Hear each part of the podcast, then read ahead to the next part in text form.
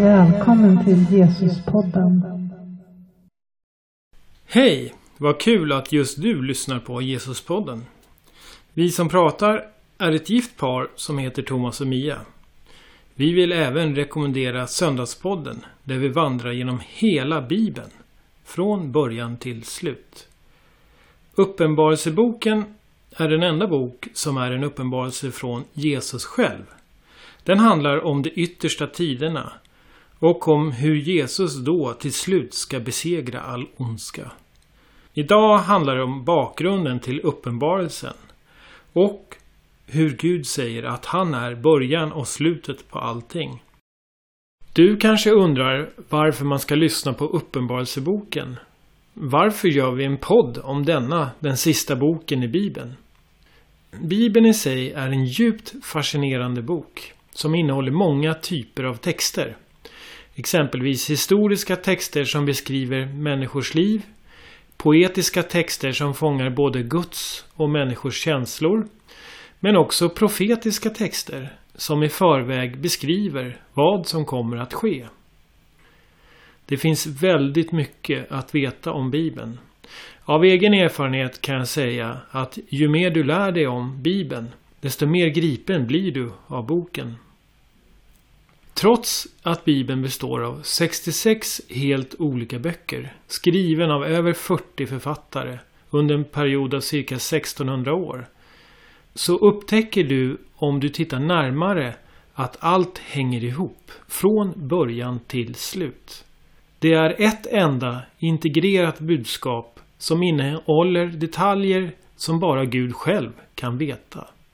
Den är full av förutsägelser som med precision slagit in många hundratals år efter att de blev nedtecknade. Jesus säger till de som studerade Bibeln på sin tid Ni forskar i skrifterna eftersom ni tror att det ger evigt liv. Det är just det som vittnar om mig, men ni vill inte komma till mig för att få liv. Jesus är Gud som kom till jorden med ett enda syfte. Att betala ett skyhögt pris för att rädda dig, mig och hela mänskligheten. Det är detta som Bibeln handlar om. Från början till slut. I dagens bibelavsnitt blir det uppenbart att boken är nedtecknad av Johannes. Men det är Jesus som ger uppenbarelsen till Johannes. Johannes själv har ingen aning om vad som ska hända. Och längre fram får vi läsa om att Johannes till och med gråter av det han får se. Texten i Uppenbarelseboken gör det klart att den är profetisk. Och det går dessutom i linje med vad Gud säger om sig själv. I Jesaja 46 kan vi läsa Kom ihåg det förgångna, för jag är Gud. Det finns ingen Gud likt mig. Jag berättar i förväg vad som kommer att hända. Förutsäger det som ännu inte har skett. Uppenbarelseboken är finalen på Bibelns stora berättelse. Den berättelse som är både vår historia och vår framtid. Uppenbarelseboken beskriver världshistoriens klimax. Jesus vinner och han kommer en gång för alla att göra slut på all ondska som härjar i vår värld. Vi närmar oss denna tid med stormsteg och grundtexten gör det klart att den kommer plötsligt. Ordet plötsligt är en bättre översättning för det grekiska grundordet istället för snart som används i de svenska översättningarna. För de som håller ut, är trogna och väljer det vinnande laget väntar en stor belöning. Var med på vår resa och hör om den dramatiska upplösningen som vi står på tröskeln till. Uppenbarelseboken kapitel 1 Denna bok avslöjar några av de kommande händelser som Jesus Kristus snart ska låta ske. Gud tillät honom att uppenbara dessa ting för sin tjänare Johannes i en syn och han sände en ängel från himlen för att förklara synens betydelse. Johannes skrev ner allt sammans, Guds och Jesu Kristi ord och allt som han hörde och såg. Om du läser dessa profetiska ord högt för församlingen kommer du att få en speciell välsignelse från Herren. De som lyssnar till den när den blir uppläst och gör som den säger ska också bli välsignade. För tiden är nära när allt detta ska ske.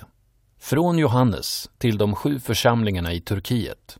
Kära vänner, jag önskar er nåd och frid från Gud, som är och som var och som ska komma, och från de sju andarna framför hans tron, och från Jesus Kristus, Guds uthålliga och trovärdiga vittne. Han var den förste som uppstod från de döda för att aldrig mer dö igen. Han är mycket större än någon kung i hela världen.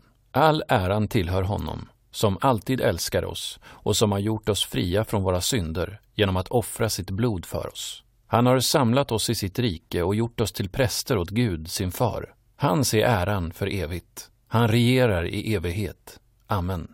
Se, han kommer, omgiven av moln, och alla människor ska se honom, ja, till och med de som har genomborrat honom. Och alla folk ska gråta av sorg och rädsla när han kommer. Ja, amen, så ska det ske.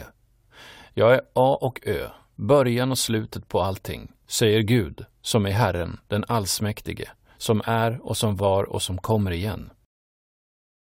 Det jag genast fastnar för i dagens bibeltext är den sjufaldige ande som nämns befinna sig framför Guds tron.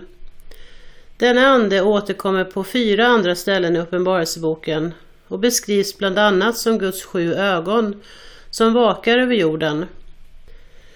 Talet sju står för fullhet och fullkomlighet. Gud ser allt som pågår och kommer att döma all ondska.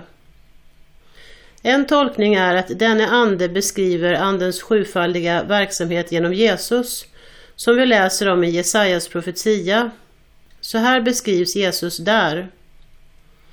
Herrens ande ska vila över honom, visdomens och förståndets ande, insiktens och kraftens ande, kunskapens och Herrens fruktans ande. Han har sin glädje i att frukta Herren, han dömer inte efter det som ögonen ser, skipar inte rätt efter det man hör. Han dömer de fattiga i rättfärdighet och skipar rättvisa åt de förtryckta i landet. Hans ord är en käpp som slår ner på jorden och med sin andedräkt förgör han de onda. Rättfärdigheten är hans bälte och sanningen bär han kring midjan. De här orden från Jesaja 11 stämmer ju väl in på det som vi snart ska läsa vidare om i Bibelns sista bok. Nämligen den dramatiska berättelse som handlar om hur Jesus kommer tillbaka för att rättvist döma världen, göra slut på ondskan och erbjuda evigt liv till alla som tror.